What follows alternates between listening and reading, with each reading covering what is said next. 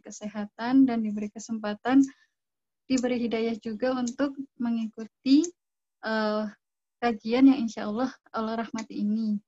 Tak lupa juga salawat serta salam kita ucapkan untuk Nabi besar kita Muhammad Sallallahu Alaihi Wasallam karena atas jasa beliaulah kita sampai saat ini bisa menikmati indahnya Islam dan semoga kelak kita mendapat syafaatnya di yaumil akhir.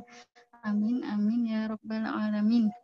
Kembali lagi di MTC Muslimah Taklim Cyber eh, hari Jumat tanggal 20 November 2020. Uh, eh, insya Allah bertemakan berbaik sangka yang akan diisi oleh Ustazah Erika Ustazah Erika Dewi Elsi. Uh, sebelum sebelum memulai uh, eh, MTC kita pada malam hari ini, mari kita membaca ta'awud dan basmalah bersama-sama. A'udzu billahi Bismillahirrahmanirrahim. Kemudian dilanjutkan dengan tilawah Quran oleh salah satu peserta. Uh, saya bisa minta tolong yang ingin membacakan ayat suci Al-Quran. Dipersilahkan.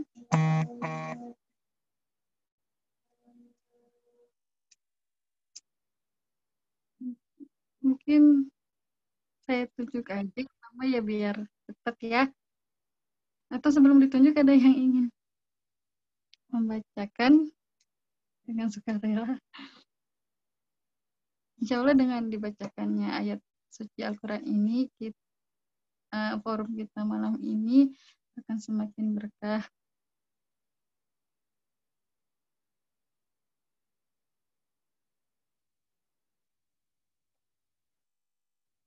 eh kalau misalnya belum ada saya tunjuk aja ya hmm, Mbak Mbak Siti Assalamualaikum Mbak Siti apakah bisa bantu untuk lemak oh eh, saya ya iya Mbak Waalaikumsalam warahmatullahi wabarakatuh uh, mau surat apakah uh, kalau boleh request Al-Hujurat ayat 12 sampai 15, Mbak, beserta terjemahannya.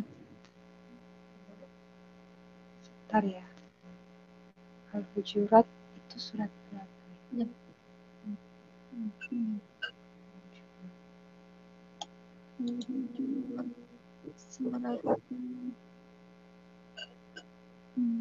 49 ya?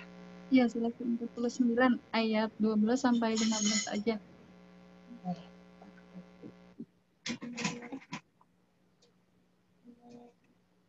Ntar ya Mbak, masih masih loading. Iya, iya. Nggak apa-apa Mbak, santai aja.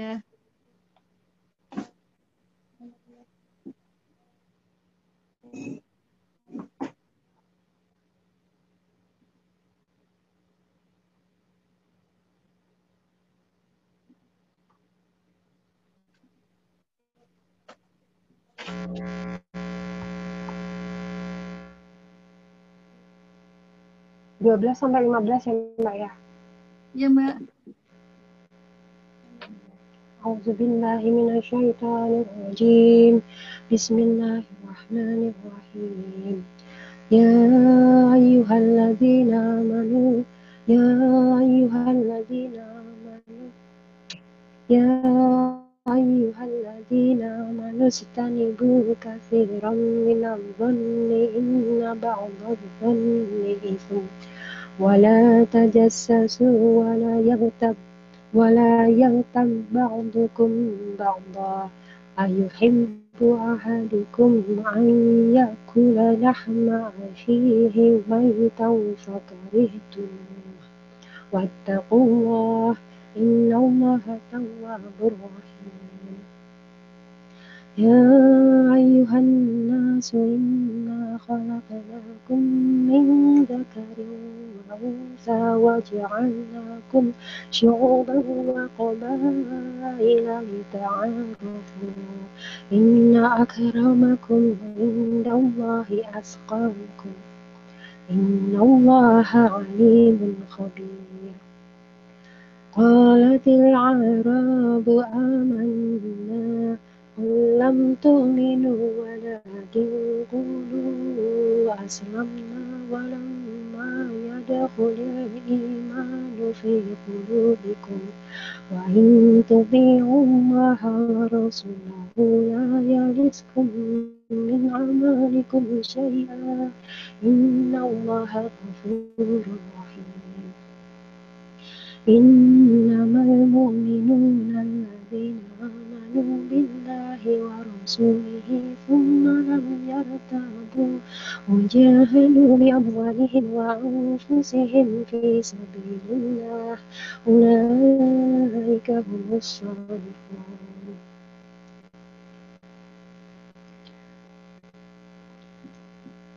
بسم الله الرحمن الرحيم الله مع lagi maha penyayang. Hai orang-orang yang beriman, jauhilah kebanyakan sangka, kecurigaan. Karena sebagian dari sangka itu dosa. Dan janganlah mencari-cari keburukan orang, dan janganlah menggunjingkan satu sama lain. Adakah seorang di antara kamu yang suka memakan daging saudaranya yang sudah mati? Maka tentulah kamu merasa jijik kepadanya. Dan bertakwalah kepada Allah, sesungguhnya Allah Maha Penerima Taubat lagi Maha Penyayang. Hai manusia, sesungguhnya kami menciptakan kamu dari seorang laki-laki dan seorang perempuan dan menjadikan kamu berbangsa-bangsa dan bersuku-suku supaya kamu saling kenal mengenal. Sesungguhnya orang yang paling mulia di antara kamu di sisi Allah ialah orang yang paling takwa di antara kamu. Sesungguhnya Allah Maha mengetahui lagi Maha mengenal.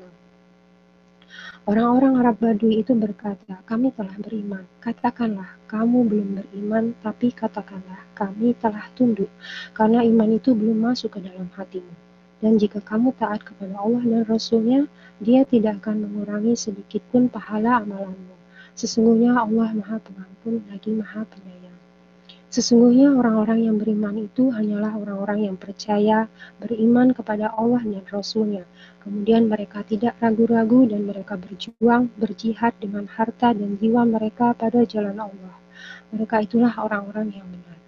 Sadaqallahul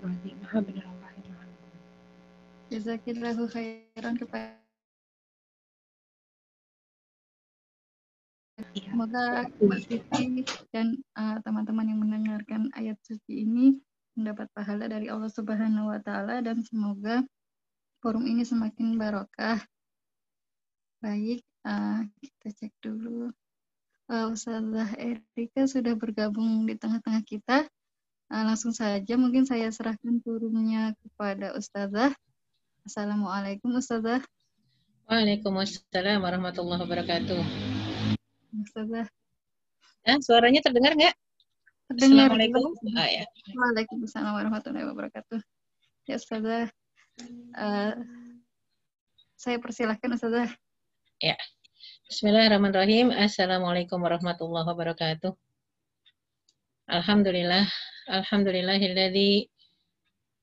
hadana lihada wa ma kunna linahtadiya laula an hadanallah. Allah Allahumma salli wa sallim wa barik ala sayyidina Muhammad wa ala alihi wa sahbihi ajma'in wa man tabi'ahum bi isanin ila yaumiddin rabbi israh li sadri wa yassir li amri wa hlul 'uqdatam min lisani yafqahu qawli amma ba'd.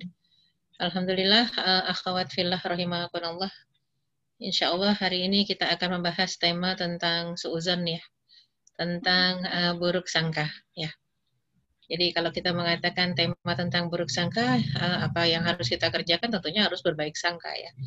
Eh, mungkin eh, PowerPoint yang akan saya share di sini justru berbicara tentang uhuwah. Mungkin ada yang bertanya-tanya kenapa berbicara tentang uhuwah. Tema kita kan tentang husnuzan gitu ya. Tema tentang husnuzan tapi bicara tentang uhuwah. Karena ternyata Rasulullah SAW menggambarkan la yu'minu ahadukum hatta yuhibba li akhihi ma yuhibbu li nafsihi.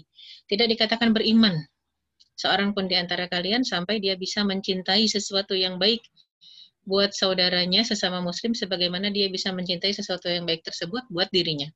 Artinya standar keimanan itu dilihat salah satunya, hanya salah satu ya eh, ciri keimanan adalah dengan uh, care-nya kita, concern-nya kita kepada sesama muslim agar dia mendapatkan kebaikan yang sama sebagaimana yang kita inginkan. Jadi kalau misalnya kita kenyang, kita pengen orang lain kenyang. Kalau kita bisa tidur pulas, kita pengen orang lain tidur pulas. Kalau kita bisa tertawa, kita juga pengen orang lain tertawa dan tersenyum gitu ya. Jadi standar kebaikan yang kita inginkan untuk diri kita itu ya, harus uh, sama kita inginkan juga untuk saudara-saudara kita yang seiman. Maka baru bisa kita dikatakan sebagai seorang mukmin atau mukminah. Karena kalau tidak la yu'minu ahadukum, tidak dianggap kalian beriman atau tidak dianggap sempurna keimanannya. Jadi standar keimanan saja disebutkan salah satunya menginginkan dan mencintai kebaikan yang sama. Nah, kalau kita mengatakan husnuzon, baik sangka, ya, sama berbaik sangka. Seseorang selalu berbaik sangka terhadap dirinya sendiri. Ya, cuman sayangnya kadang-kadang suka berburuk sangka kepada orang lain. Maka yang sebenarnya harus selalu berbaik sangka kepada siapapun juga. Tadi ayat sudah dibacakan gitu ya. Jadi ya memang sampai ibu katsiran Ron dhann inna ba'dadh-dhanni ism ya. Inna ba'dadzani ismun. Jadi memang jauhi kebanyakan berprasangka karena sebagian besar dari prasangka itu ujungnya dosa alias seuzon. Seuzon itu yang menghasilkan dosa. Kalau yang menghasilkan pahala yang husnuzon ya. Jadi kalau kita bicara husnuzon dengan seuzon ternyata menjadi salah satu syarat keimanan Bahkan kalau kita mengatakan uh, kenapa kok bicara iman kita bicara ukhuwah? Ya, karena keimanan itu mempunyai tiga ya tiga landasan kekuatan. Seseorang baru disebut imannya mantap kalau dia punya ketiga-tiga kekuatan ini. Pertama kuatul akidah, kuatul iman. Ya, jadinya akidahnya mantap baru disebut uh, orang beriman yang sebenar-benarnya. Kalau akidahnya tauhidnya lurus, nggak bercampur kepada eh, hal-hal uh, hal kesyirikan, kekufuran ya, barulah disebut orang yang imannya mantap. Pertama kekuatan tauhid, kuatul akidah. Yang kedua kuatul ukhuwah. Kalau cuma tauhidnya lempeng tapi ukhuwahnya nggak bagus, nggak peka terhadap penderitaan saudaranya, nggak suka membantu, nggak suka saudaranya dapat kebaikan, bahkan mungkin banyak yang um, melihat temannya atau saudaranya dapat kenikmatan, ya mereka misalnya naik gaji, naik, naik pangkat, eh kita malah naik darah, ya tensinya naik kenapa? Karena nggak suka, lihat orang lain senang. Nah, yang kayak gini gak beriman. Karena tiga unsur kekuatan, yaitu yang membentuk keimanan. Kalau cuma satu, akidah doang, tauhid saja lempeng, eh, sedangkan eh, rasa cintanya ya, itu tidak bagus, ukhuwahnya tidak terbina, itu juga tidak beriman. Nah, yang ketiga baru kekuatan sa'idun wasilah. Kekuatan logistik dan persenjataan. ya Kalau bicara kekuatan logistik dan persenjataan, inilah satu-satunya kekuatan yang tidak harus selalu ada. Kalaupun nggak ada, kita tetap eksis sebagai seorang mukmin asal punya yang dua tadi. Kekuatan akidah dengan kekuatan ukhuwah. Kalau yang ketiga nggak punya persenjataan, nggak punya ya eh, apalagi kalau disebut uh, materi ya tidak punya saidun wasilah ya uh, apapun juga yang disebutnya logistik itu kita nggak punya nggak masalah seperti saudara-saudara kita di Palestina di Suriah nggak punya dia dari sisi kekuatan finansial kurang senjata nggak ada tapi karena tauhidnya, akidahnya mantap dan ukhuwahnya Masya Allah, maka Allah rubah batu menjadi bom. Allah rubah batu menjadi panah. Allah rubah semuanya. Jadi kadang-kadang lempar batu di sana meledak. Itu wa maromaita id romaita walakin Allah roma. Ketika engkau memanah, ketika engkau melempar, bukan engkau yang melempar dan memanah, sesungguhnya Allah yang melempar dan memanah. Sehingga, nah ini eh, nggak uh, bisa di uh, planning ya, karena mereka semua mengerjakan itu lillahi ta'ala dan ketika batu berubah di sana ketika ditimpuk jadi bom itu bukan keinginan mereka. Itu keinginan Allah Subhanahu wa taala. Jadi eh, kita penting untuk mempertahankan dua kekuatan. Alhamdulillah kalau Allah berikan juga kemudahan untuk kekuatan logistik ya dan uh, finansial dan materialistis ibarat kata material gitu ya. Jadi ya kalau materialnya juga disupport, alhamdulillah. Tapi kalau tidak minimal kekuatan akidah tauhid dan kekuatan ukhuwah. Nah, kita bicara tentang husnuzon. Itu kekuatan yang kedua dan level paling rendah. Level paling rendah dari kekuatan ukhuwah ya ternyata husnuzon. Mohon maaf saya boleh eh, dijadikan co-host supaya bisa share screen.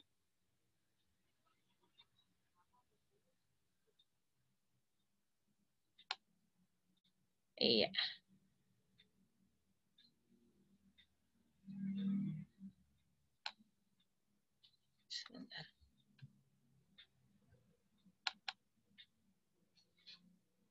ya jadi kalau kita bicara tentang kekuatan yang Allah berikan ya uh, kepada manusia tentunya dia tidak akan membentuk satu uh, kekuatan yang sebenarnya kecuali akidahnya lurus karena Allah Subhanahu wa taala hanya menyembah Allah ya kemudian juga uh, persaudaraannya ini yang membuktikan keimanan keimanan kita benar itu kalau persaudaraan kita uh, mantap lillahi taala tidak mencintai kecuali karena Allah dan kalaupun membenci ya karena Allah juga ya itu satu hal yang uh, harus kita sadari dan kita pahami. Nah, kita lihat uh, screen-nya sebentar. Makanya kita bicara tentang kekuatan ukhuwah Islamiyah.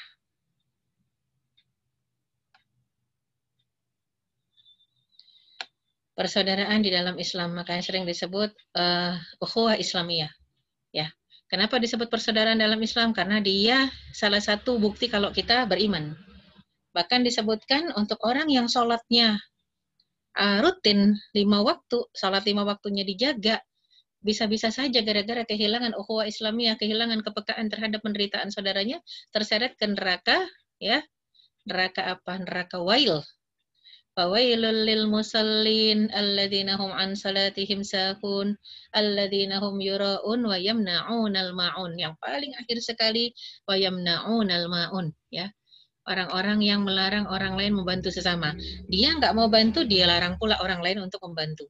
Ini diancamnya dengan neraka wail walaupun musallin, dia orang yang sholat ya memang sholatnya mungkin males-malesan, ria karena ingin dinilai oleh manusia bukan ingin dinilai oleh Allah Subhanahu wa taala tapi unsur yang paling penting adalah yamnaun al-maun makanya suratnya namanya surat al-maun. al Dan orangnya yang ketika dia sholat tapi tidak ada dampak sosialnya, tidak ada rasa kecintaan kepada saudaranya sesama muslim atau kepada sesama manusia, maka disebut yukadzibu biddin.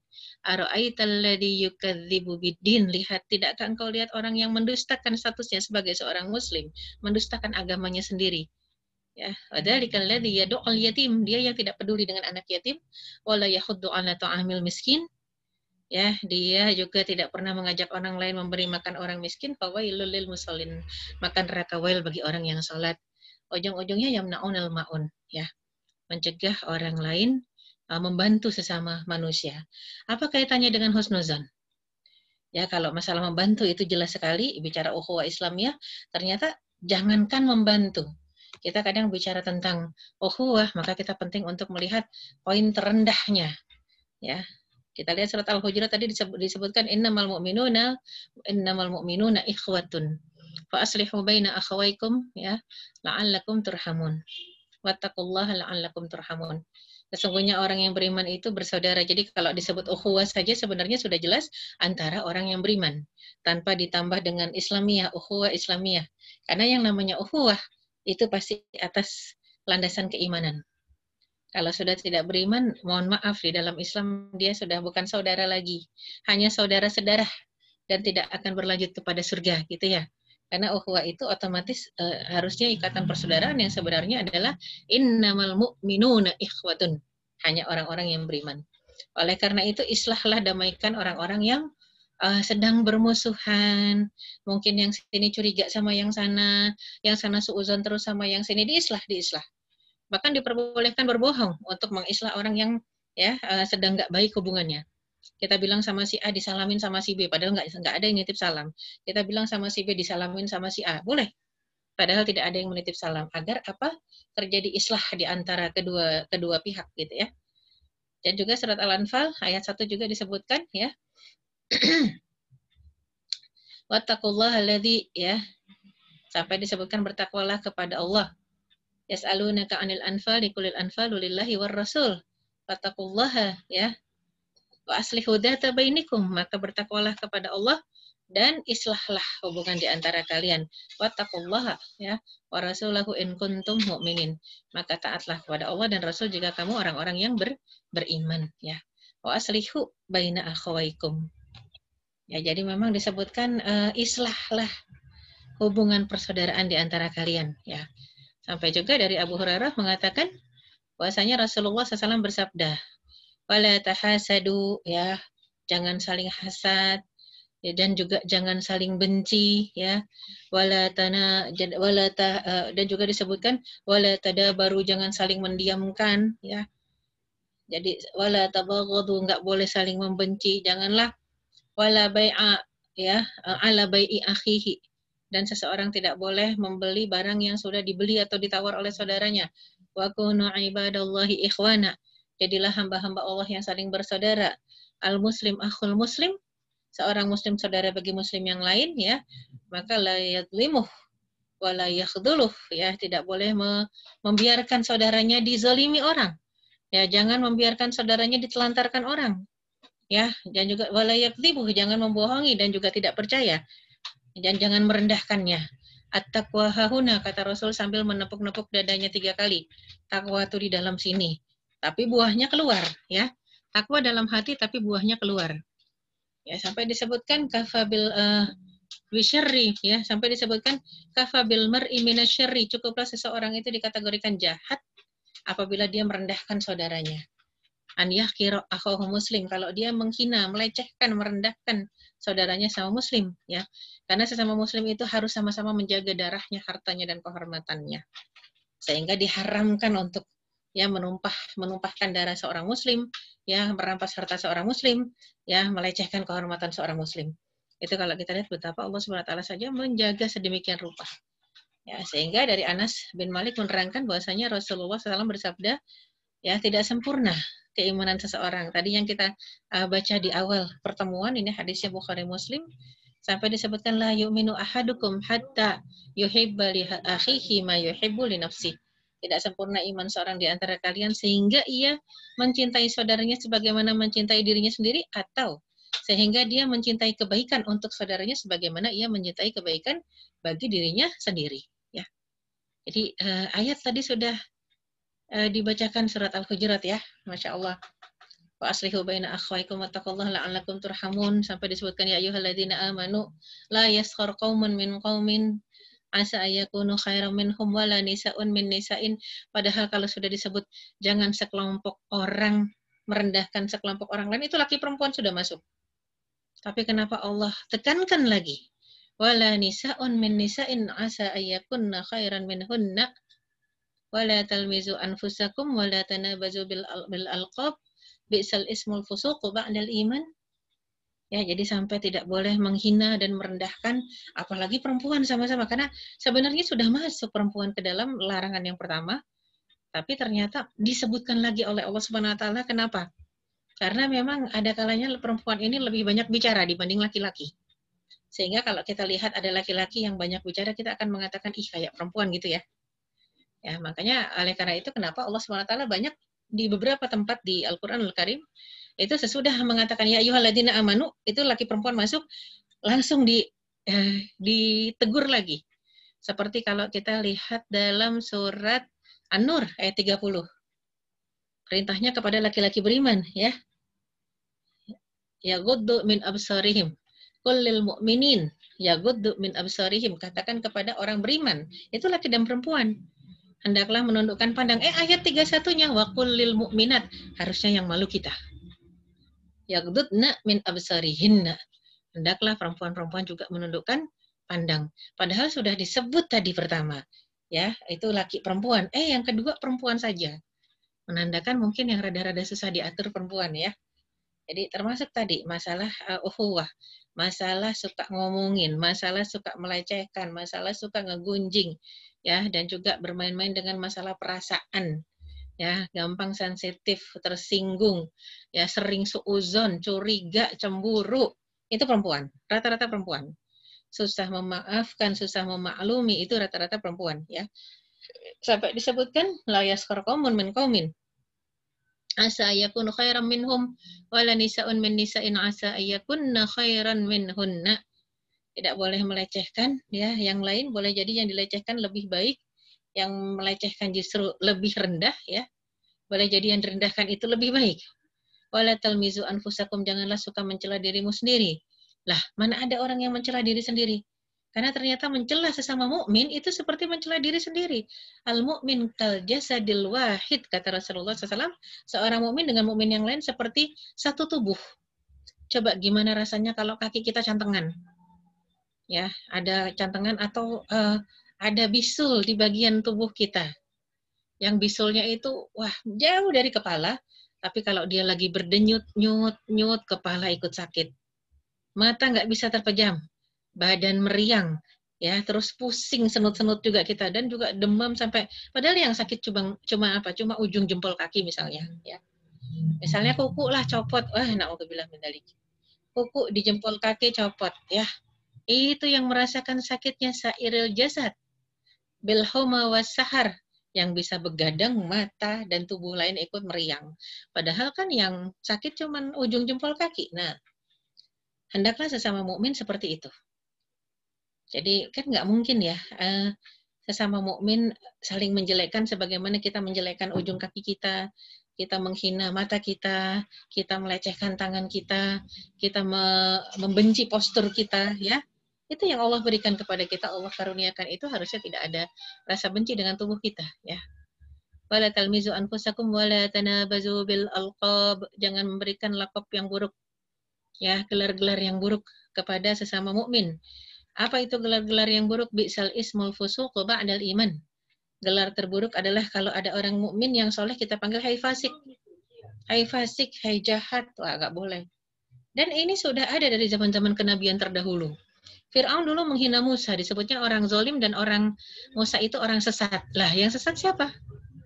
Jadi anehnya, ajaibnya itu tilkal ayam nudawiluha bainan nas. Hari-hari kami pergilirkan antara manusia kata ya kata Allah swt. Kalau dulu Firaun itu nyelak-nyelak Musa dibilang Musa orang jahat, orang sesat dan ngajak Bani Israel semuanya kepada kesesatan. Apa yang dimaksud kesesatan oleh Firaun? Karena nyembah Allah, nggak nyembah dirinya. Itu kata Firaun sesat. Ya, jadi sekarang uh, semua kita bisa melihat ternyata zaman itu selalu berulang, berulang terus ya. Kalau orang jahat bilang orang baik jahat. Ya, tapi kalau orang baik bilang orang jahat jahat kan bener ya, emang dia jahat gitu kan. Tapi memang yang nggak boleh itu ketika sama-sama baiknya, sama-sama berimannya, saling memberikan gelar yang buruk. Hai jahat, hai fasik, itu nggak boleh. Ya, kenapa? Karena memang itu seburuk-buruknya gelar. Bi'sal ism ya seburuk-buruknya nama panggilan ya al fusuqu ba'dal iman hai fasik padahal dia orang beriman famal lam yatub ya dan barang siapa yang uh, tidak bertobat fa ulaika zalimun itulah orang-orang yang zalim jadi kita disebut zalim oleh Allah dan inna zulma zulumatun yaumil qiyamah satu kezoliman itu bisa berarti kegelap gulitaan di hari kiamat di saat kita uh, menyeberang sirot itu tidak ada cahaya lebih repot lagi ya Makanya surat Al-Hujurat ayat ke-12 disebutkan ya ayyuhalladzina amanu jatanibu katsiran minadh-dhann. Wahai orang yang beriman jauhi kebanyakan prasangka, kecurigaan, suuzon ya. Inna ba'dadh-dhanni itsm karena sebagian dari prasangka-prasangka itu itu pasti dosa yang artinya apa? Itu yang isinya suuzon. Ya, wala sampai disebutkan ya disebut Kasiran minadhan, ya inna ba'dadhani ism wa la tajassasu. Kebanyakan hmm. yang namanya prasangka itu dosa dan jangan kalau sudah berprasangka biasanya apa? Kita sudah usah usah ujungnya apa? Cari-cari. Cari-cari berita, cari-cari info. Itu namanya tajassus. Ya, menyelidiki. Wala tajassasu, perintahnya tidak boleh mencari-cari keburukan orang. Dikorek-korek nggak boleh yang nampak saja yang kelihatan nah sudah cukup buat kita kalau Allah sembunyikan sudah Allah saja menyembunyikan kita nggak boleh mengkorek-korek Wala tajassasu, janganlah mencari-cari keburukan orang, wala getab ba'duhu ba'dukum ba'duh. Janganlah antara kalian satu dengan yang lainnya saling menggunjingkan. Ya. Ayuhibu ahadukum lelah lahma ma'akhihi, maitan fakarihtumu. Perumpamaannya seperti di antara kalian ini makan daging saudaranya yang sudah mati. Makan daging bangkai saudaranya. Pasti fakarihtumu. Kamu sendiri akan benci. Fattakullah. Ya. Ya, jadi Allah tawwabur rahim maka bertakwalah kepada Allah. Allah Maha penerima taubat dan Maha penyayang. Ini larangan suuzon. Kebanyakan dari prasangka inna ba'dadh sebagian prasangka isem dosa. Sebagian banyak prasangka itu ujung-ujungnya suuzon. Bahkan ayat lain mengatakan inna dhanna la yughni minal haqqi syai'an. Sesungguhnya zon zon itu Sesungguhnya prasangka itu tidak pernah membawa kepada satu hakikat kebenaran pun ya. Jadi gimana nih tahapan-tahapannya kita untuk membentuk ukhuwah Islamiyah itu agar uh, menjadi kekuatan dalam diri uh, dan dalam kelompok mukmin. Agar kalau sudah kuat insya Allah keburukan-keburukan ya yang ada akan tertutupi dan juga musuh yang menyerang pun tidak akan bisa menembus masuk ke dalam dan nggak bisa diadu domba karena ukhuwahnya kuat akidahnya mantap ya masalah kita miskin nggak masalah ya asal akidahnya mantap kemudian ukhuwahnya kuat insya Allah Allah yang akan berikan rezekinya sendiri Nah, menjalin hubungan secara pribadi dan berjamaah, berkelompok, majelis taklim sini silaturahim dengan majelis taklim sana, orang di sini silaturahim dengan orang yang sana. Bahkan surat Al-Hujurat mengatakan ya, ketika sudah disebutkan orang yang beriman itu bersaudara, Ya, maka disebutkan juga lita'arafu wa ja'alnakum syu'uban wa qabaila arafu itu surat Al-Hujurat ayat 13. Aku jadikan banyaknya kelompok, banyaknya suku, banyaknya bangsa itu untuk saling mengenal arafu. ya. Jadi perintahnya agar terwujud persaudaraan ini lebih erat, ya. Maka diperintahkan untuk islah, untuk bertakwa, untuk ta'aruf. Perbaiki dan damaikan orang yang berselisih, hubungan dengan Allah juga kuatkan dengan ketakwaan, ketaatan, dan ta'aruf, kenali, kenali. Kenali itu bukan cuma sekedar kenal fisik yang dari jauh kita kenal ya. Kenal suara, ya jangan sampai jadi tertipu. Ini suara siapa di telepon gitu ya. Kemudian hati-hati dengan gendam sihir pakai telepon gitu ya. Kadang-kadang kita ngerasanya itu suara orang itu, padahal bukan ya. Makanya kenal betul, kadang-kadang juga kenal ukuran sepatu. Ya kalau mau kasih hadiah jadi nggak nanya lagi. Kenal kesukaan warna ya secara menyeluruh fisik, pemikiran, kejiwaan seperti dalam surat Al-Hujurat ayat ke-13. Kemudian, nah, kita diperintahkan sesudah ta'aruf tafahum. Kadang orang kalau dengar kata ta'aruf itu ingatnya cuma ta'aruf proses mau nikah ya, bukan. Padahal perintah ta'aruf itu berkenalan secara umum, secara umum.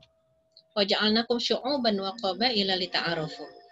Menjadi, eh, kami menjadikan kalian bersuku-suku berbangsa-bangsa untuk saling mengenal ya. Kenapa seperti itu? Karena kalau nggak kenal kita nggak bisa paham. Ketika tidak paham, tidak ada tafahum, sering salah paham. Kalau sering, salah paham, akhirnya jadi seuzon. Padahal cuma salah paham. Makanya ada hadis lain yang menyebutkan bahwasanya Rasulullah SAW ya mengingatkan para sahabat salah faham salah faham yang berlaku di antara mereka akan diislah oleh Allah Subhanahu wa taala sampai Allah nanti mengatakan di hari kiamat ya ketika di sidang di depan mahkamah Allah, bukankah engkau mau masuk surga? Iya, jawab si hamba.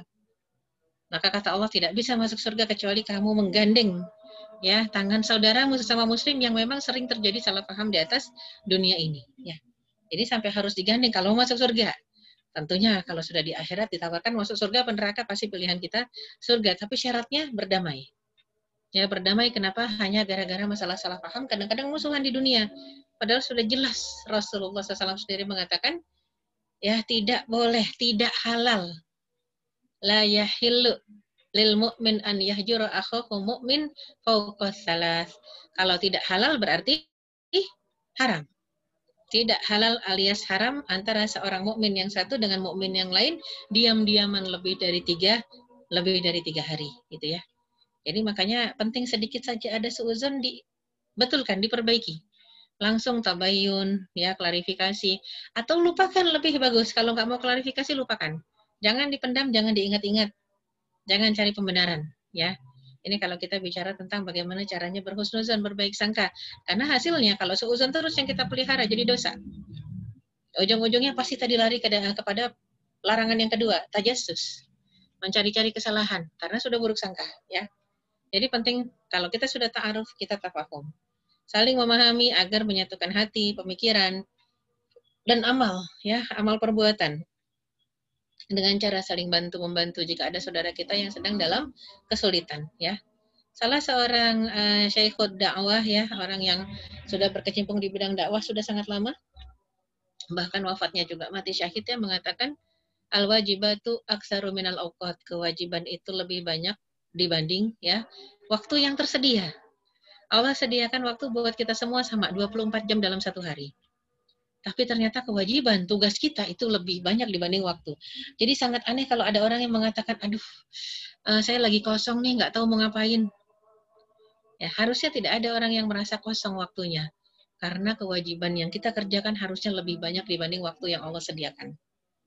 Ya, makanya perintahnya, fa'inni, ya, fa'innu ala ala ikhwatik. Jadi hendaklah kita uh, menolong menolong saudara kita yang memang tugasnya belum selesai ketika tugas kita sudah selesai kewajiban kita untuk apa menolong membantu meringankan kenapa karena memang disebutkan juga ternyata bantuan-bantuan kita itu nilainya sudah kok nilainya infak wa anfaqtum ya fi sabilillahi fahuwa yukhlifuh apapun yang kamu infakkan di jalan Allah nih saya akan dibalas dengan kecukupan oleh Allah Eh, wa antum latuzlamun dan kamu tidak akan dizolimi oleh Allah tidak akan dirugikan. Apa yang kita infak sodakohkan ternyata bukan cuma harta. Kalau punya harta jelas lebih bagus harta, tapi kalau nggak punya tenaga, ya tenaga, pikiran, ilmu pengetahuan, ya infakkan perhatian, ya. Makanya kenapa Rasulullah SAW sendiri sampai mengatakan uh, mengusap kepala anak yatim gitu ya itu sudah uh, satu kebaikan, sudah sedekah. Ngusap aja, ngusap kepalanya anak yatim saja sudah merupakan satu kebaikan. Dan juga orang-orang yang keras hatinya hendaklah sering-sering mengusap kepala anak yatim. Karena respon anak yang yatim biasanya beda dengan respon anak yang nggak yatim. Yang anak yang penuh perhatian dari orang tuanya beda dengan anak yang nggak pernah punya perhatian dari orang tuanya. Sehingga kalau diusap, ya melembutkan hati salah satunya adalah dengan mengusap kepala kepala anak yatim, ya. Itu pun kan tentunya harus diiringi dengan apa ya? Dengan kelembutan hati. Dan untuk melembutkan hati salah satunya begitu. Jadi yang banyak-banyak Susan juga obatnya salah satunya dengan tadi berinteraksi dengan orang-orang yang kurang kasih sayang. Ya, orang-orang yang tadi seperti anak-anak yatim, kita ingat tadi surat Al-Maun ya. Ketika disebutkan uh, alladzina yukadzibu bidin. Ara'aital ladzi bidin ya doa yatim pertama menelantarkan anak yatim wala yahuddu ala ta'amil miskin dan tidak ya menyuruh orang lain mengajak orang lain untuk memberi makan orang miskin. Jadi ingat eh, kita harus memperkuat ya tiga unsur dalam diri kita untuk membuktikan keimanan kita yaitu kekuatan akidah, kemudian kekuatan ukhuwah dan kekuatan persenjataan dan logistik ya. Ibarat kata perkuatan kekuatan yang ketiga ini kayak kekuatan materi lah ya. Kalau itu tidak ada, tidak tercukupi, nggak masalah. Ke kedua ini yang harus ada. Nah, ini masalahnya kalau ke satu oke okay lah, mungkin tidak ada yang menyembah berhala. Mungkin tidak ada yang menjadikan di sisi Allah ada tandingan-tandingan lain dalam penyembahan. Tapi yang paling penting adalah ya, kalau satu sudah lulus harus kekuatan kedua kita miliki kekuatan ukhuwah. Mulai kita membentuk ukhuwah Islamiyah ya, persaudaraan sama muslim dengan apa? Mengenal, saling memahami dan ta'awun, saling menolong wa ta'awanu 'alal birri wat taqwa wa la ta'awanu 'alal ismi wal 'udwan. Ya harus saling menolong. Menolong pertama menolong dengan hati dengan saling mendoakan. Menolong dengan berpikir, berdiskusi, saling menasehati. Menolong dengan amal betul-betul dia ngangkat air berat ya ditolongin. Ya dia lagi ngerjain tugas yang susah ya diselesaikan sama-sama. Ya dia lagi apa saja pokoknya kalau yang bentuknya fisik. Kalau nggak bisa minimal minimal doakan minimal doakan. Makanya kenapa orang yang melihat uh, saudaranya dalam kesulitan, unsur akhaka zaliman au mazluman kata Rasulullah SAW. Tolonglah saudaramu dalam kondisi dia menzolimi orang atau dizolimi. Kata para sahabat, kalau dizolimi gampang nolongin orang dizolimi, selamatkan. Tapi kalau nolongin orang yang lagi ngezolimin orang lain, gimana caranya? Ternyata kata Rasulullah, hentikan dia dari tindak kezolimannya. Itu nolonginnya. Makanya kalau kita lihat fenomena kezaliman, kemunkaran depan mata, rubah dengan tangan, dengan kekuasaan. Fal yugayyirhu biyadih fa'ilam yastati. Kalau nggak sanggup dengan kekuasaan, dengan tangan, fabilisan. Ya, rubahlah dengan kata-kata, dengan nasihat. Ya, diajak diskusi, diajak ngomong. Kalau nggak bisa juga, fa'ilam yastati' kolbi Maka dengan hati, dengan kolb. Tapi ingat di doa mendoakan aja. Nggak ada aksi kita cuma doa aja. Bantuin, enggak nasehatin, enggak ngelarang, enggak doain aja. Wadhalika ab'aful iman. Itu adalah selemah-lemah iman. Menolak kemunkaran dengan hati selemah-lemah iman. Dan Allah sangat menyukai uh, hamba-hambanya yang imannya kuat. Ya, jadi sampai disebutkan al mumin al qawi khairun wa ahabu ilallah min al mumin ad dhaif ya dan juga kalau dilihat uh, mukmin yang kuat itu lebih Allah sukai dibanding mukmin yang lemah. Ya, dan diantara keduanya khair, masih lebih baik dibanding nggak beriman gitu ya. Tapi intinya kalau ditanya yang afdol mana, jelas yang kuat-kuat keimanannya. Kalau imannya sudah kuat, kuat ahlaknya. Ahlaknya sudah kuat, mungkin kuat juga apa ibadahnya. Kuat juga finansialnya. Kuat juga, nah semuanya kuat. ya. Jadi kuat juga fisiknya gitu ya. Tapi kalau ternyata minimal kuat apa? Kuat akidahnya, keimanannya dan kuat oh, ukhuwahnya, persaudaraannya itu sudah cukup. Ya, dan yang terakhir berusaha untuk saling menanggung. Ya, kalau tadi ta'aruf pertama mengenal, yang kedua tafahum saling memahami. Tak kenal maka tak sayang, nggak paham kalau nggak kenal juga. Jadi harus kenalan dulu baru bisa memahami. Ya, habis itu ta'awun saling tolong menolong meringankan, kemudian takaful saling menanggung ya saling membantu. Jadi bukan kalau ta'awun itu saling bantu, kalau takaful sudah saling mensupport, menanggung ya. Hati yang menyatu saling menyayangi ya. Untuk kemudian terbentuklah kesatuan ya kekuatan barisan umat yang tidak bisa digoyahkan oleh siapapun juga yang mulai yang mulai melecehkan umat Islam ya. Maka kita lihat derajat ukhuwah kalau yang terendahnya ukhuwah adalah lapang dada, salamatus sadar, husnuzon. Tadi Rasul mengatakan tidak beriman kalau kita belum saling mencintai. Gimana caranya untuk mencintai? Maka bangkitkan ukhuwah. Derajat terendahnya adalah husnuzon. Jadi kalau yang sering yang sering seuzon, yang sering nggak salam atau sodor, nggak lapang dada, ya, yang sering-sering suntuk dadanya nyesek kalau ngelihat uh, seseorang, padahal sama-sama orang beriman. Kalau lihat dia kayaknya nyesek, sebel, hati-hati. Derajat terendah ukhuwah tidak ada berarti tidak disebut orang yang ber beriman. Hati-hati. Ya, ketika Rasul saja tidak mengakui Ya, kalau kita tidak bisa mencintai saudara kita dan berlapang dada dengan segala kekurangannya berarti tidak beriman. Bagaimana mungkin kita kalau ditanya siapa, identitasnya apa, agamanya apa, kita bilang Islam. Mungkin cuma sekedar muslim sebagai identitas, tapi bukan mukmin, bukan orang yang beriman kepada Allah. Jadi sampai Rasulullah sallallahu alaihi wasallam dulu ya. Ketika Wahsy, Wahsy itu eh, salah seorang yang membunuh paman Rasulullah ya di perang uh, Uhud yang membunuh Hamzah bin Abdul Muthalib ya. Pada akhirnya ketika Fathu Mekah Wahsy masuk Islam, bayangkan. Semua yang masuk Islam itu salaman sama Rasul. Kalau laki-laki ya, kalau perempuan enggak. Yang laki-laki semua salaman kepada Rasul berjumpa. Tapi begitu Wahsy Wahsy datang tuh Rasul ngadep belakang, ngebelakangin munggungin. Kata Wahsy apa? Ya Rasulullah, ini Wahsy masuk Islam. Ya, Rasul mengatakan iya. Apakah diterima keimananku dan keislamanku oleh Allah? Diterima, kata Rasulullah. Lantas kenapa engkau tidak ingin melihat Rasul? Diam aja, nggak jawab, nggak pengen ngelihat. Bukan benci, bukan selalu teringat e, pamannya, kesel, dendam, tidak. Rasul berlapang dada justru yang Rasul takutkan begitu lihat wajahnya Wahsy dia selalu teringat sang paman yang dibunuh. Jadi lebih bagus dia e, hanya menginginkan kenangan indah. Kenangan yang paling indah, Wahsy yang dulu bunuh pamannya masuk Islam tanpa harus kenal wajahnya. Bayangkan. Dia khawatir kalau misalnya sudah kenal wajah setiap kali ketemu, ingat Hamzah pamannya. Ingat Hamzah pamannya yang dibunuh jadi benci dan tidak boleh membenci seorang mukmin. Itu yang Rasul takutkan. Jadi lebih bagus gak lihat wajah. Jadi besok-besok kalau ketemu Wahsy, karena gak kenal wajahnya mana, dia tidak ada benci kalau tahu sama-sama orang beriman. Nah, itulah Rasulullah. Bayangkan, bisa dibayangkan betapa sedihnya wasi, Padahal Rasul lagi menjaga hati nih.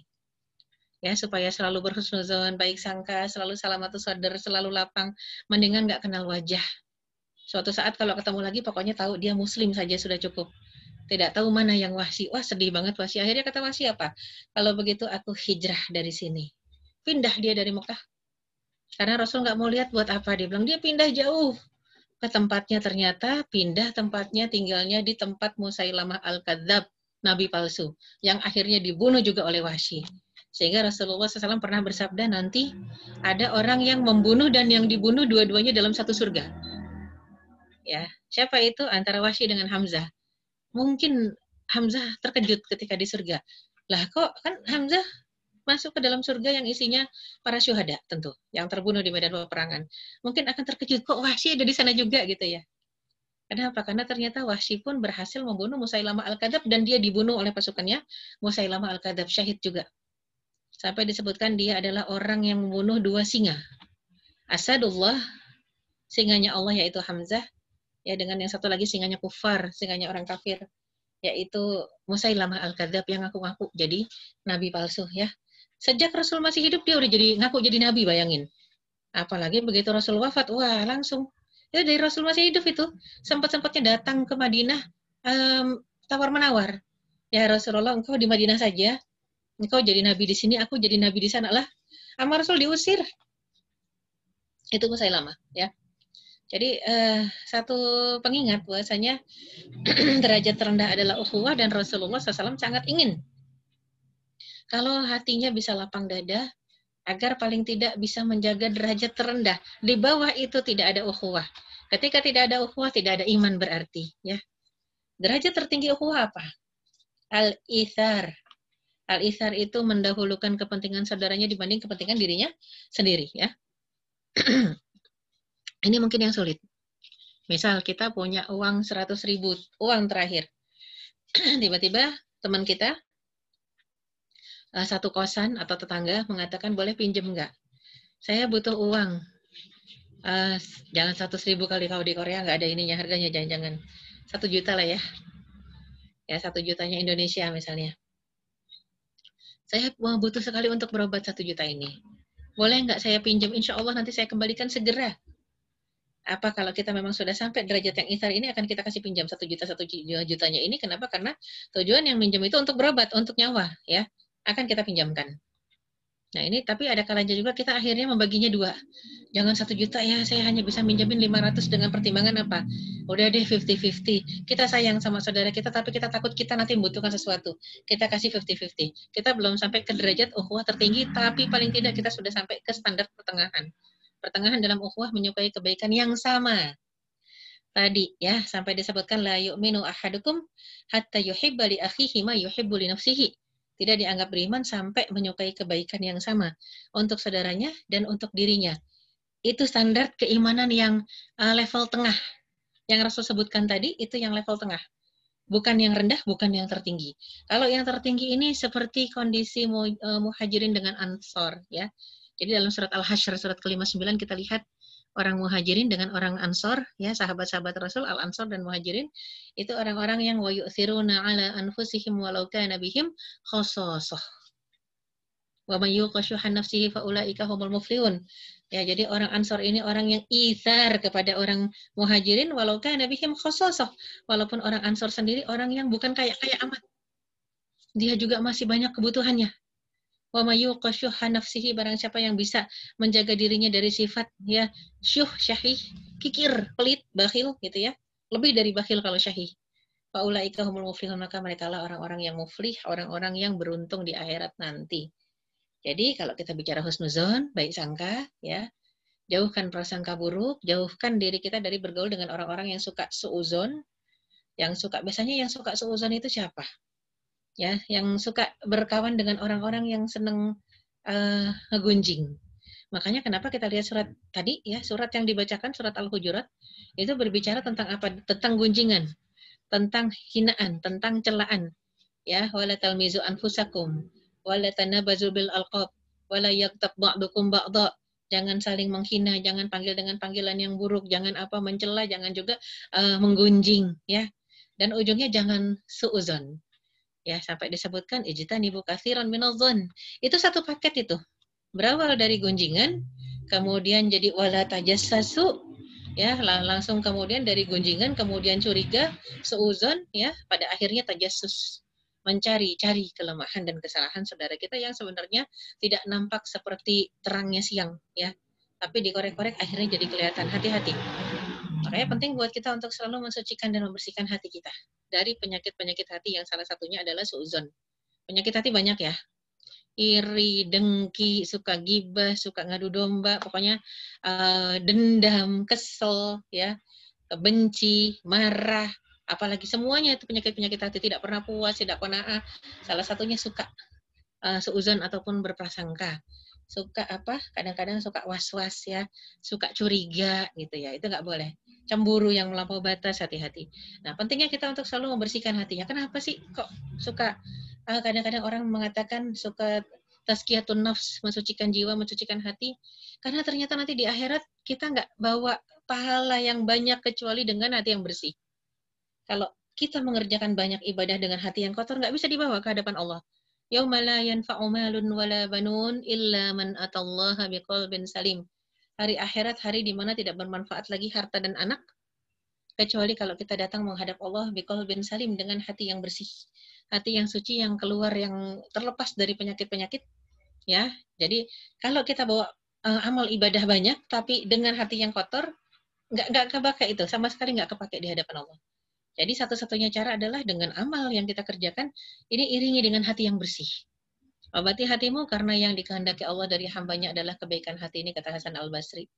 Ya, jadinya eh, ketika disebut hati yang bersih ini berawal karena memang Rasul sendiri yang mengatakan selain tadi ya firman Allah la yanfa'u malun wala banun tidak akan bermanfaat yang namanya harta dengan anak kecuali kita kembali kepada Allah bin salim dengan hati yang selamat yang bersih niatnya ikhlas lillahi taala orang yang ridho selama eh, hidup di dunia dan selalu baik sangka kepada sesama ya. Selalu memaafkan, memaklumi, nah itu hati yang bersih. Baru bermanfaat amal yang kita kerjakan. Kalau tidak sia-sia, yang kita kerjakan nggak diterima. Karena syarat mutlaknya berawal dari innamal a'malu bin niat. Ya, niat itu juga tempatnya di hati. Jadi tempat untuk mengelola niatnya itu juga harus bersih. Ibnu Mulkin Asyafi'i menulis kebaikan hati hanya bisa dibentuk dengan perkara-perkara yang mendekatkan diri kita kepada Allah. Dengan apa? obat hati, tombol hati, tombol hatinya Mas Opik sering nyanyikan itu ya. Itu baru salah satunya. Salah lima lah ya. Lima ya disebutnya ya. Nah, jadi sebenarnya masih banyak lagi. Membaca Al-Quran sambil mentadaburinya. Ini salah satu. Mengosongkan perut dengan puasa. Qiyamul lail yang husyu. Tadarru pada akhir malam. Wabil asharihum yastagfirun Orang-orang yang di waktu sahur itu istighfar. Terus juga bergaul dengan orang-orang soleh, berkumpul dengan orang soleh menjaga kehalalan makanan dan perbuatan, dan kemudian terakhir eh, sodakoh ya. Jadi bersodakoh juga begitu, itu termasuk membentuk eh, kebaikan hati. Di antaranya adalah dengan sodakoh ya. Allah alam bisawab, saya kembalikan ke hostnya. Aku luka lihada wa astagfirullah maaf walakum wa'afaminkum wabillahi taufiq wal hidayah. Wassalamualaikum warahmatullahi wabarakatuh. Waalaikumsalam warahmatullahi wabarakatuh. Jazakillahu khairan kepada Ustazah Erika yang telah menyampaikan tausiahnya kepada kita semua. Semoga kita semua bisa berubah ya, karena memang wanita itu sangat sulit ya untuk bagian itu. Karena ya wanita memang paling besar di perasaannya. Uh, sangat besar pengaruhnya di perasaannya. Oke, langsung saya buka ya sesi tanya jawab bagi uh, peserta yang ingin bertanya silahkan bisa raise hand terus langsung bicara atau bisa tuliskan di kolom chat. Uh, ini sudah ada yang masuk pertanyaan Ustazah ke lewat WhatsApp saya. Bagaimana jika keburukan teman kita sudah tampak di depan mata, apakah harus tetap berhusnuzon? Iya. Nah, ketika keburukan tampak di depan mata, berarti kan yang namanya keburukan standarnya harus yang dianggap buruk oleh Allah dan Rasulnya ya. Jadi bukan keburukan yang standar perasaan kita ya. Yang namanya Islam itu eh, standar syariatnya bukan pakai perasaan, tapi pakai eh, dalil ya. Apa yang kata Allah buruk harus buruk walaupun kita suka. Apa yang kata Allah baik harus baik walaupun kita nggak suka ya. Itu yang namanya standar syariat. Jadi nggak bukannya perasaan. Nah, ternyata kita lihat di depan mata kita betul-betul dia mengerjakan kemunkaran. Betul-betul mengerjakan satu kesalahan yang kata Allah dan Rasulnya memang salah. Maka masuklah sudah ke ke apa? Ke perintah Rasul tadi, man ra'a Barang siapa di antara kalian melihat dengan mata kepala sendiri bentuk kemunkaran, fal Dibanding kita ngomongin di belakang, rubah dengan kekuasaan dengan tangan kita ya dengan apa kemampuan kita rubah cegah maksudnya misal lihat temen mabok depan mata kita tahu dia muslim dia mabok cegah jangan mabok tapi kalau kita takut jadi mudarat gimana minimal dengan nasihat jangan begitu ya itu salah yang benar begini ya dengan nasihat berduaan kalau bisa kalau dia memang juga nggak di depan orang banyak yang benar ketika kita lihat dia di depan orang banyak melakukannya, silahkan sadarkan depan orang banyak. Kalau misal kita lihat dia lagi nyopet, kalau kita diemin kita nyadarinya berdua udah keburu diambil barang orang gitu ya dan salah satu bentuk eh, salah satu bentuk kita menyadarkan dia dengan berteriak saja itu sudah nolong saudara kita itu nolong yang satu supaya nggak kecopetan yang satu lagi supaya sadar dan dia lari ya itu juga sama aja ya jadi kadang-kadang itu pakai aksi tapi kalau ternyata pakai aksi nggak mempan, khawatir bahaya, maka silahkan nasihati. Kalau nggak berani nasihati di depan orang banyak, bagusnya nasihati berdua. Pokoknya harus ada aksi. Ya, harus ada aksi, ada reaksi melihat bentuk kemunkaran depan mata. Eh, nggak berani juga misalnya. Kekuasaan nggak punya, nggak sanggup, takut, nasehatin pakai lisan nggak berani. Ya, maka rubahlah. Ya, jadi value yugayirhu bil qalb dengan hati maksudnya menolak habis menolak mendoakan tapi ingat kata Rasulullah wadalika at'aful iman itu adalah selemah-lemahnya iman apa kita pengen e, memiliki iman yang paling lemah nggak pengen karena kalau iman yang lemah ini susah untuk mengkontrol kita masuk ke dalam surga nah cuman yang lebih parah lagi kita merubah kemunkaran dengan kekuasaan dengan tangan nggak bisa dengan lisan dengan nasihat juga nggak mampu dengan hati mendoakan juga nggak bisa membenci dengan hati nggak bisa. Akhirnya tiga-tiga cara kita nggak tempuh, eh kita tempuh cara keempat yang nggak pernah di ya dijadikan opsi oleh Rasulullah apa kita gibahin, kita omongin, kita gunjingin. Nah, tapi nggak jadi berubah. Itu yang bahaya. Yang seharusnya ada adalah kalaupun kita ingin memberitahukan kepada orang lain, boleh agar orang lain terhindar dari apa? Dari kerusakannya ya. Terhindar dari kejahatannya silahkan kita sampaikan ke orang lain, tapi dalam satu waktu yang sama tidak cukup untuk menyampaikan saja, kita harus mencoba menyadari, menyadarkan, ya, menyadarkan saudara kita yang ada tadi masuk ke dalam kesalahan. Karena Rasul mengatakan, unsur akhaka zoliman au mazluman, tolong saudaramu dalam kondisi dia zolim atau dia menzolimi orang.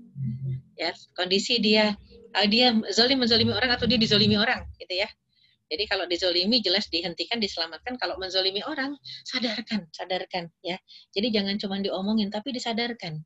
Ini pentingnya ya, harus ada kekuatan kita bergabung dengan orang-orang yang mempunyai kompetensi tertentu. Contohlah, misalnya tetangga kita kumpul kebo, Muslim kumpul kebo. Ya ini kalau nanti udah pada pulang ke Indonesia, tiba-tiba ada yang tetangganya, ada yang hidup serumah ya pasangan laki perempuan bukan suami istri itu nggak bisa diem aja itu nggak bisa diem aja ya, nggak bisa kita bilang ah ya dia ini yang penting bukan kita nggak boleh nanti bisa terkena laknatnya 40 rumah semuanya jadi harus ada aksi tapi kita nggak punya kekuatan Nah saya nggak berani karena ternyata wah tak tahuan orangnya misalnya gitu ya tinggi besar akhirnya apa apa kita diem diem aja kita doain doang nggak cukup apalagi udah doain ngomongin nggak cukup juga kita harus cari cara ya, cari orang-orang yang disegani di wilayah tadi, RT, RW, pokoknya cari cara agar apa menegur. Bahwa ya digerebek biar dinikahin saja, lebih bagus. Gitu kan kadang-kadang begitu ya. Jadinya kadang-kadang kita lebih milih uh, cara yang salah. Ah yang penting kita diam deh, udah urusannya uh, terserah dia. Ya terserah dia dengan Allah tapi digunjingin terus. Nah ini juga salah. Dia tidak berubah dan kita juga akan berdosa. Itu yang kita hindari sebenarnya. Allah alam bisawab. Baik, jazakillah khairan Ustazah atas jawabannya. Uh, sudah jelas ya Mbak Insya Allah ya tadi pertanyaan apa sih jawaban dari Ustazah. Kemudian ada pertanyaan lagi Ustazah. Silahkan. Di kolom chat. Uh, apabila husnuzon itu berlaku juga. Oh, apakah uh, eh, husnuzon itu berlaku juga untuk uh, orang yang tidak seiman? Misalkan di lab uh, ada orang Korea terus udah gitu mereka itu bermuka dua orangnya gitu haruskah iya. kita tetap husnuzon atau waspada gitu ya apakah waspada termasuk husnu eh suuzon ya waspada nggak termasuk suuzon ya jadi kalau suuzon itu buruk sangka sebelum tabayun kalau waspada memang sudah terbaca gejala terbaca jadi kecurigaan yang berlandaskan kepada uh, eh, karain karain itu tanda-tanda itu nggak apa-apa ya Contoh malam hari tiba-tiba ada yang uh, seseorang yang nggak kita kenal nempel-nempel deket pintu uh, rumah kita. Kita lihat dari atas misalnya. Kita waspada boleh, curiga boleh ya. Telepon polisi boleh mungkin kalau di luar negeri.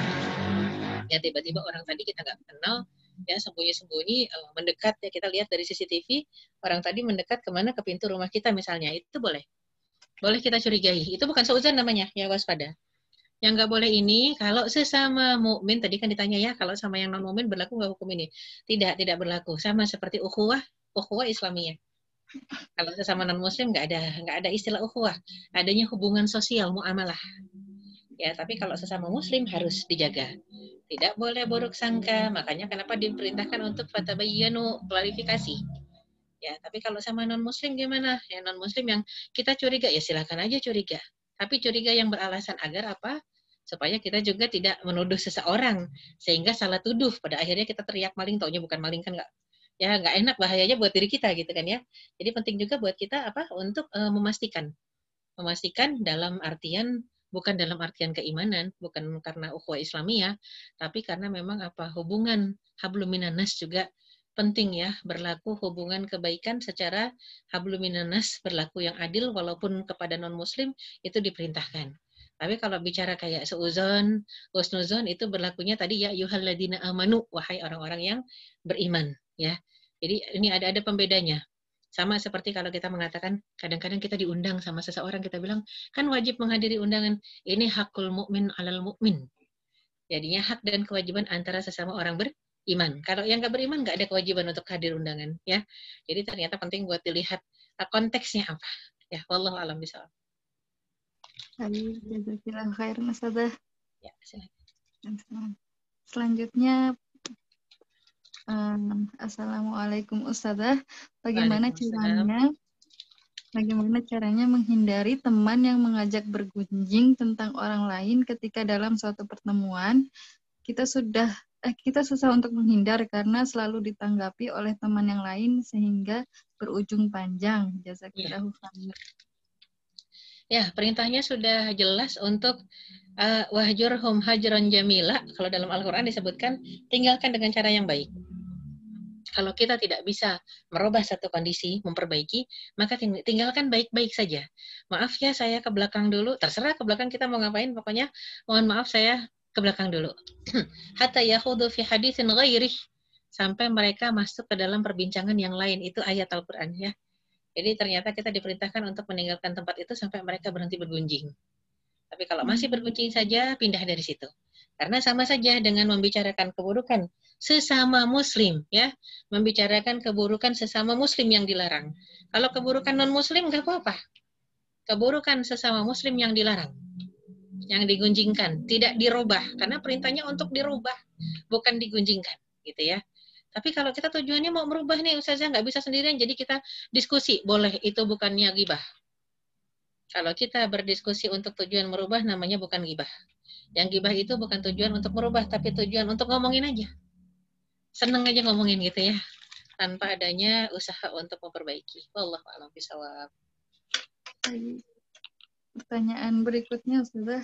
Ya, silakan. Eh, bagaimana tips bertabayun tapi tidak menyinggung perasaan saudara kita? Ya, tipsnya berarti ya. Kalau kita pengen tabayun. Penting untuk yang eh, ditabayuni. Eh, masalah apa? Perkara apa? Contoh, seseorang membawa berita buruk. Membawa berita buruk tentang orang lain. Hati-hati tujuannya cuma pengen cerita doang, itu nggak perlu tabayun ya. Kita penting untuk tabayun kalau memang dari tabayunnya kita dapat pahala. Min, husli, min husnil islamil mar'i tarkuhu malah yaknihi. Eh, keislaman seseorang bisa dilihat baik buruknya mutunya eh, dari apa? Dari hal-hal yang bisa ditinggalkan kalau tidak bermanfaat buatnya.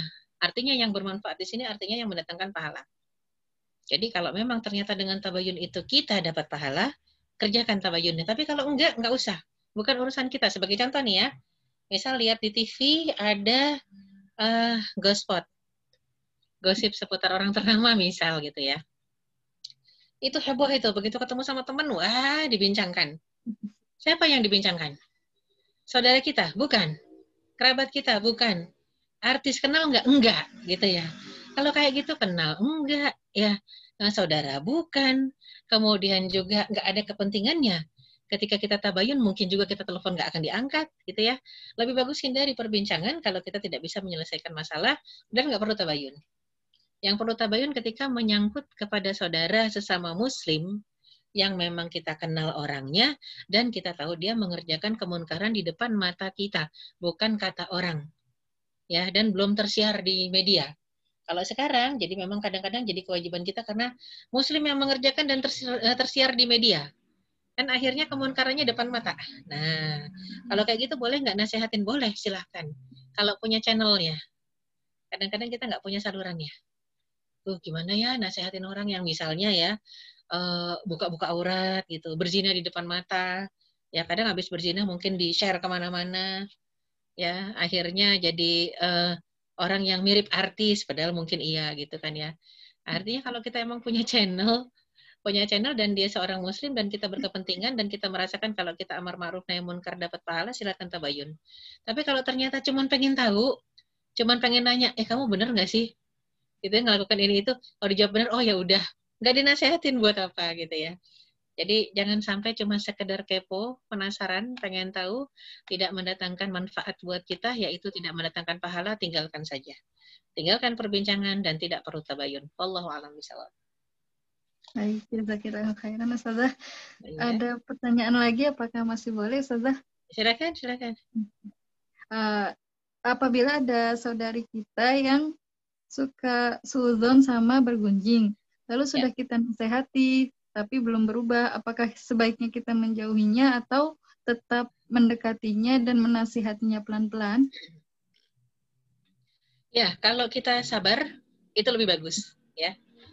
Wa biru khairul lakum. Kalau sabar lebih bagus. Terus dampingi, terus ingatkan. Tapi kan kadang-kadang kita suka nggak sabar ya. Sampai kapan sih kewajiban kita ngingetin Ustazah? Sebenarnya cuma sampai satu kata. Dia mati duluan atau kita mati duluan? Ya tapi kayaknya kita kalau udah deket dia jadi berantem terus ya sudah ya hindari pergunjingannya hindari perselisihannya ya lebih bagus kalau dia mengajak bicara hal-hal yang memang mendatangkan dosa tinggalkan itu aja ya kalau memang kita tidak bisa menasehatinya nggak bisa menghentikannya dan kita nggak sabar terhadap keburukannya wahjurhum hajaron jamila tinggalkanlah dengan cara yang baik. Maksudnya ya sudah, biarkan saja. Wa amrit anil jahilin, berpalinglah dari orang jahil. Aduh gitu, cukup disampaikan. Kamu ngomongin orang lagi, mohon maaf ya, saya nggak suka dan saya nggak mau dosa. Uh, terserah, kamu mau ngapain, kalau nggak mau berubah, saya pergi dulu. Nah, gitu aja.